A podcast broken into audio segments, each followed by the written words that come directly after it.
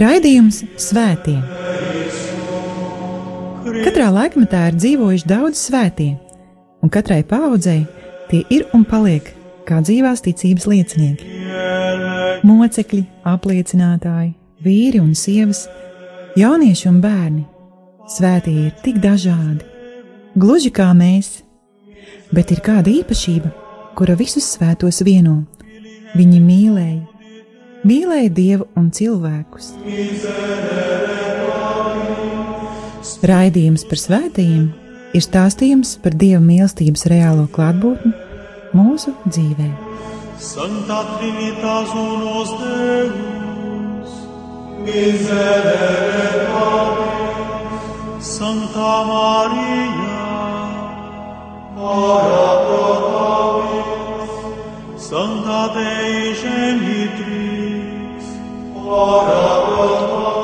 Lai ir slavēts Jēzus Kristus, mīļie brāļi un māsas Kristu, mīļie draugi, pie mikrofona esmu es, priesteris Večuslavs, un skan raidījums par svētajiem. Svētie bērni, svētie jaunieši, svētie bērnu un jauniešu aizbildni, kas viņi ir – Tie ir svētie, kurus mēs pazīstam un kurus arī nepazīstam. Svētie, kuru dzīves stāsti ir pilni gan ar vienkāršību, gan ar pārdabiskumu, bet pāri visam pilni ar dieva klātbūtni. Šodien stāstīšu par svētajiem, kuru dzīvē Dievs ir atklājis savu varenību un žēlastību caur šo jaunu cilvēku jaunavīgumu un šķīstību. Svētā Lūcija, Svētais Kazimirs un Svētā Filomena.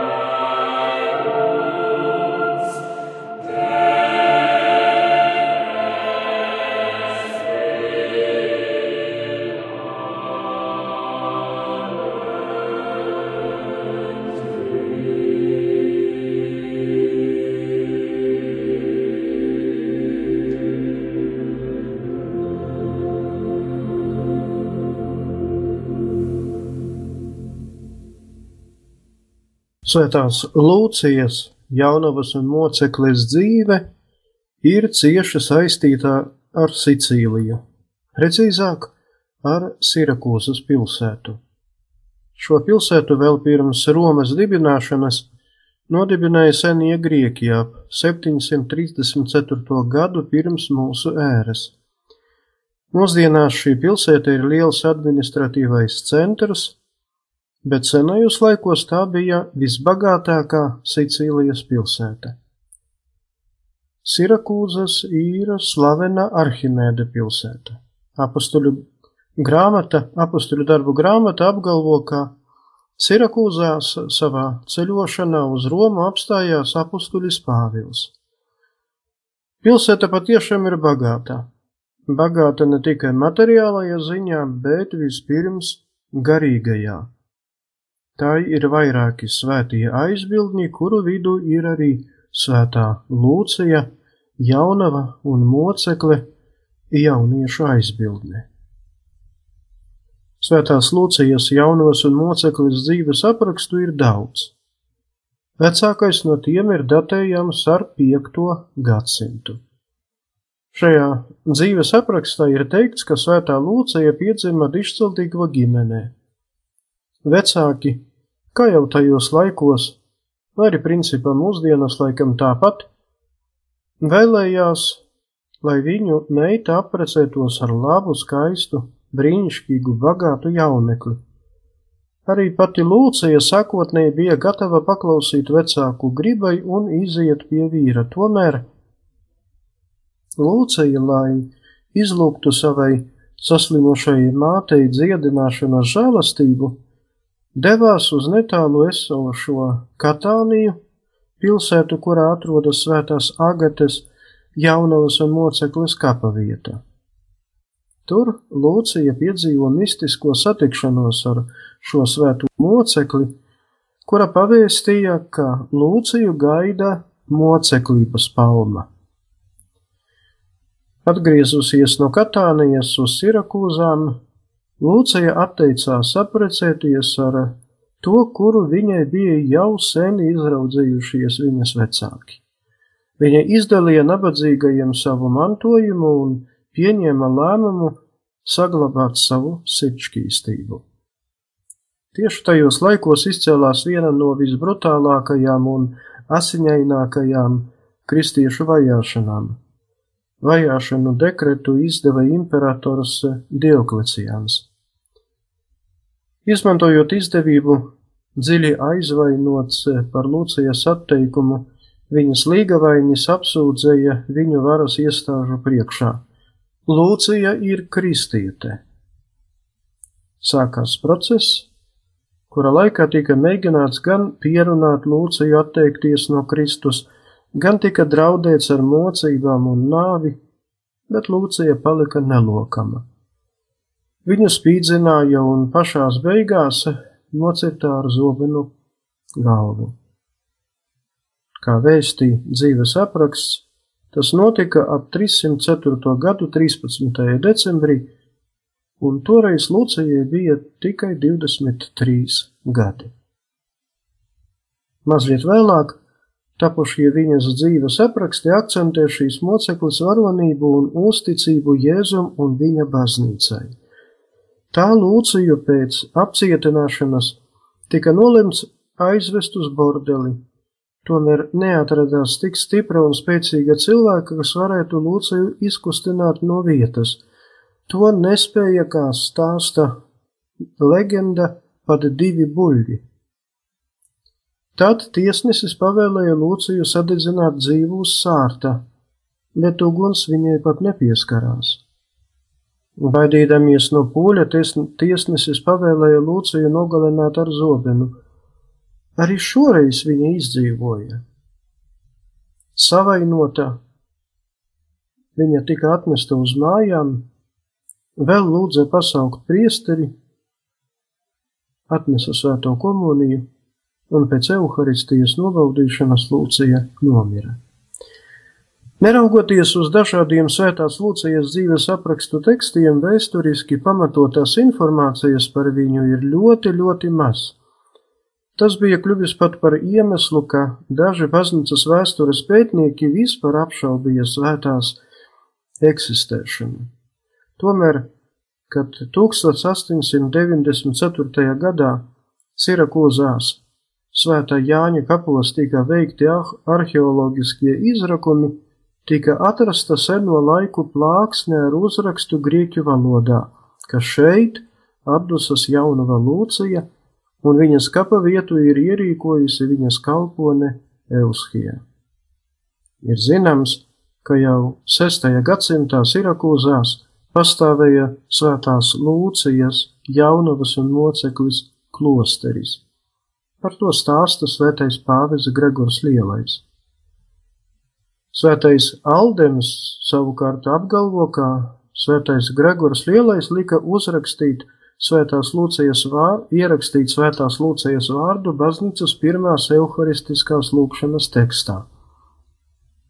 Romā, kristietības galvaspilsētā, pirmā baznīca Svētās Lūcijas godam tika uzbūvēta jau 7. gadsimta vidū. 1038. gadā Svētās Lūcijas relikvijas tika pārnestas uz Konstantinopoli tiek uzskatīts, ka 1204. gadā krustneši relikvijas pārveda uz Venēciju, bet tās tika nozagtas 1981. gadā 7. oktobrī. Tomēr daži citi vēsturiskie avoti apgalvo, ka svētās Lūcijas relikvijas atrodas Francijas ziemeļaustrumu pilsētā Mecā. Svētā Lūcija kā jau pateicu, ir jauniešu aizbildne, tomēr viņa uzskatīta arī par aklo un vājredzīgo aizbildni. Legenda vēstī, ka svētajai bija ļoti skaistas un lielās acis, kuru dēļ viņai vienmēr tika pievērsta pārāk liela uzmanība. Kad Lūcija pamanīja, ka arī viņas mocītāji apbrīno viņas acis, Lūcija pavēlēja izdurt tās. Lūcijas aizbildniecību piesauca pat slavenais Dante savā dieviškajā komēdijā. Nonācis paradīzē, viņš sajuta sāpes acīs un lūdza svētās palīdzību. Lūksim arī mēs, lai svētā Lūcija palīdz mums būt tādiem, kuros mājo Dieva svētā gara žēlastība un klātbūtne. Kungs Dievs, dāvā mums svētās jaunavas un moceklas lūcējas aizbildniecību un palīdzību, lai mēs pieminot viņas godpilno nāvi, izpelnītos mūžībā redzēt tavu dievišķo godību. To mēs lūdzam caur Kristu mūsu kungu. Amen!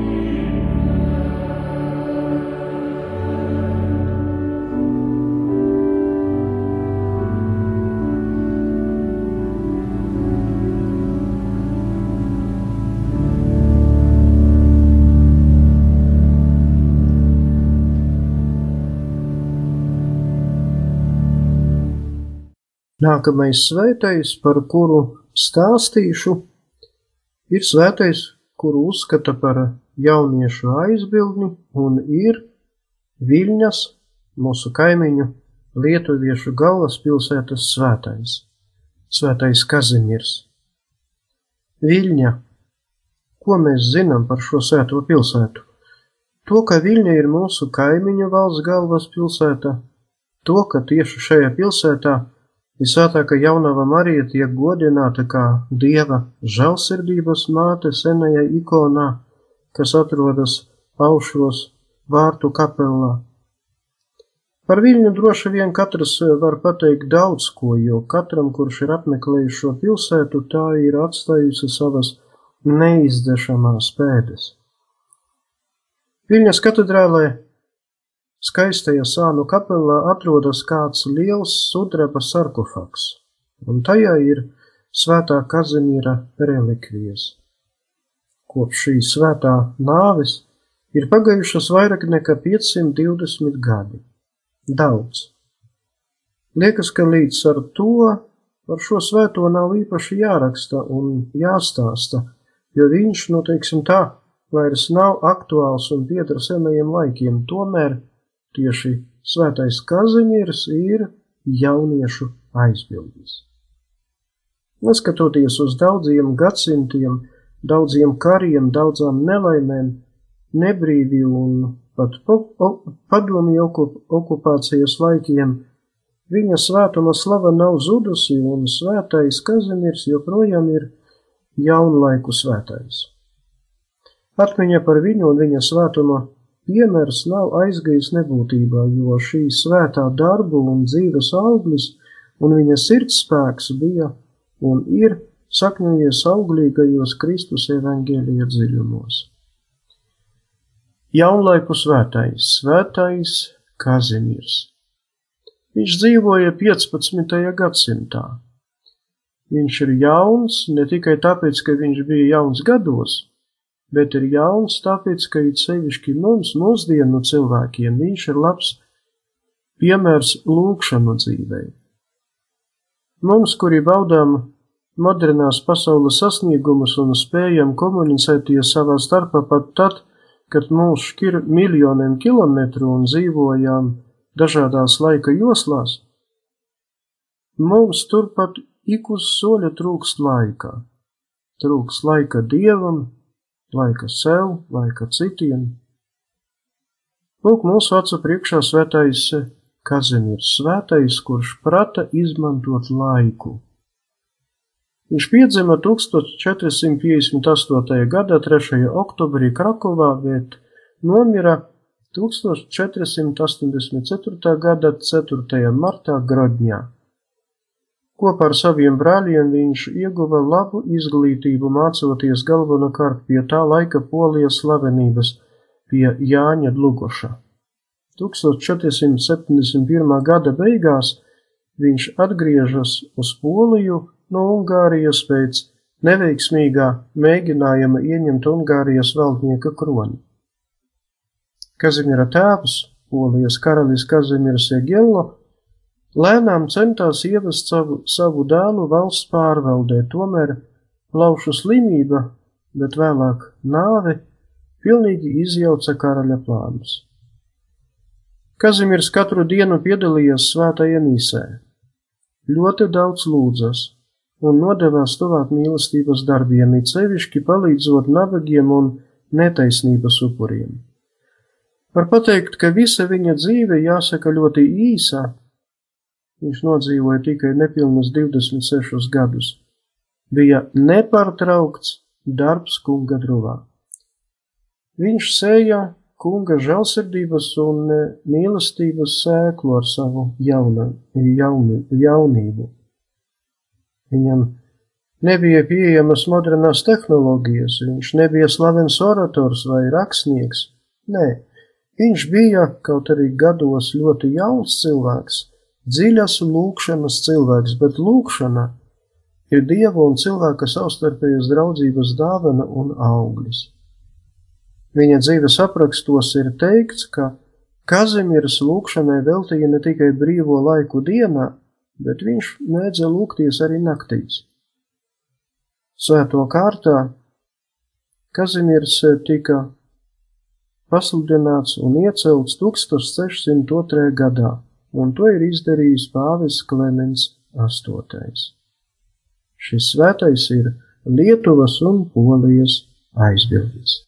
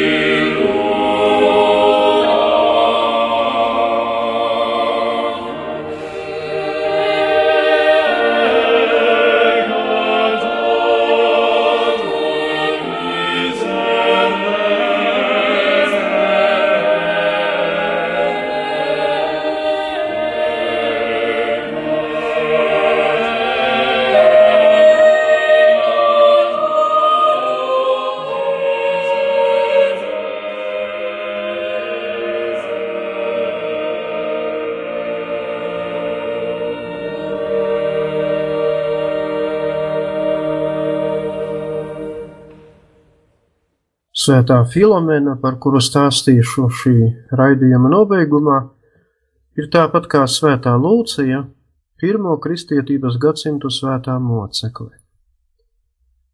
Filomena nomira 302. gadā Romā kā mocekle Keizara Diokleciāna valdīšanas laikā.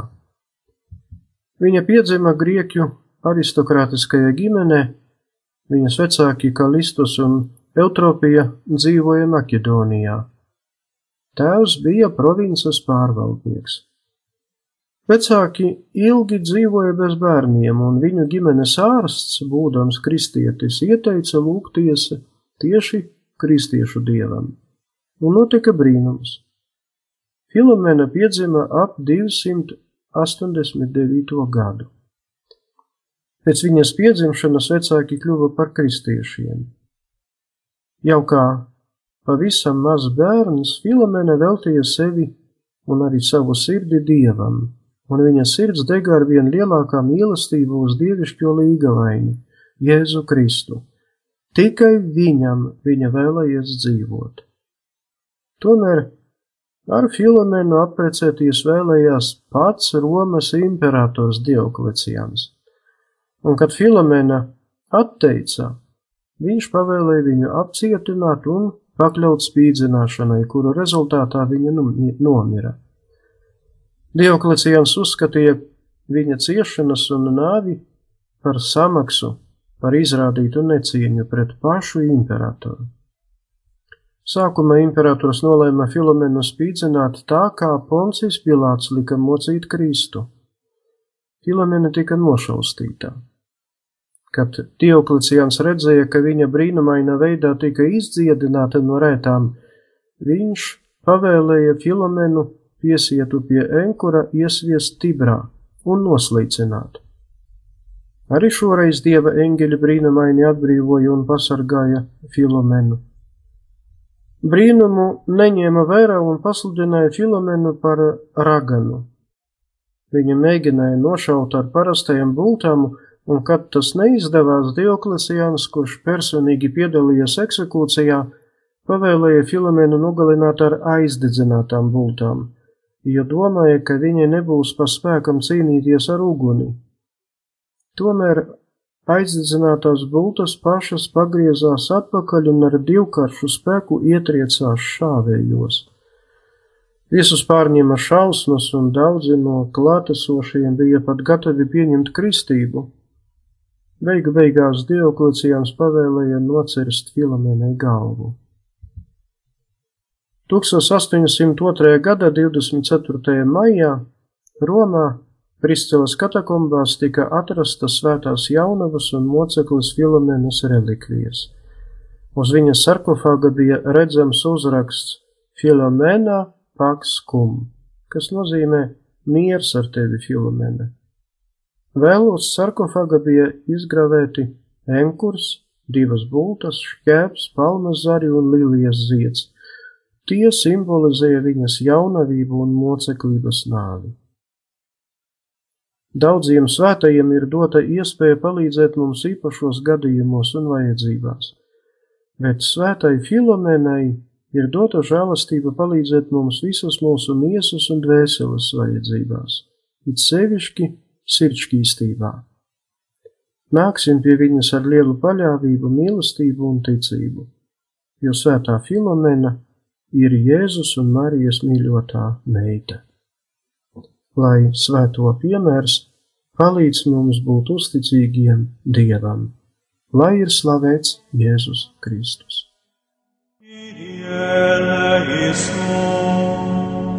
Raidījums Svētie Katrā laikmetā ir dzīvojuši daudz svētie, un katrai paudzei tie ir un paliek kā dzīvās ticības liecinieki. Mocekļi, apliecinātāji, vīri un sievas – Jaunieši un bērni, svētie ir tik dažādi, gluži kā mēs, bet ir kāda īpašība, kura visus svētos vieno. Viņi mīlēja, mīlēja Dievu un cilvēkus. Raidījums par svētījumiem ir stāstījums par Dieva mīlestības reālo klātbūtni mūsu dzīvē. Santa Trinitas unos Deus, miserere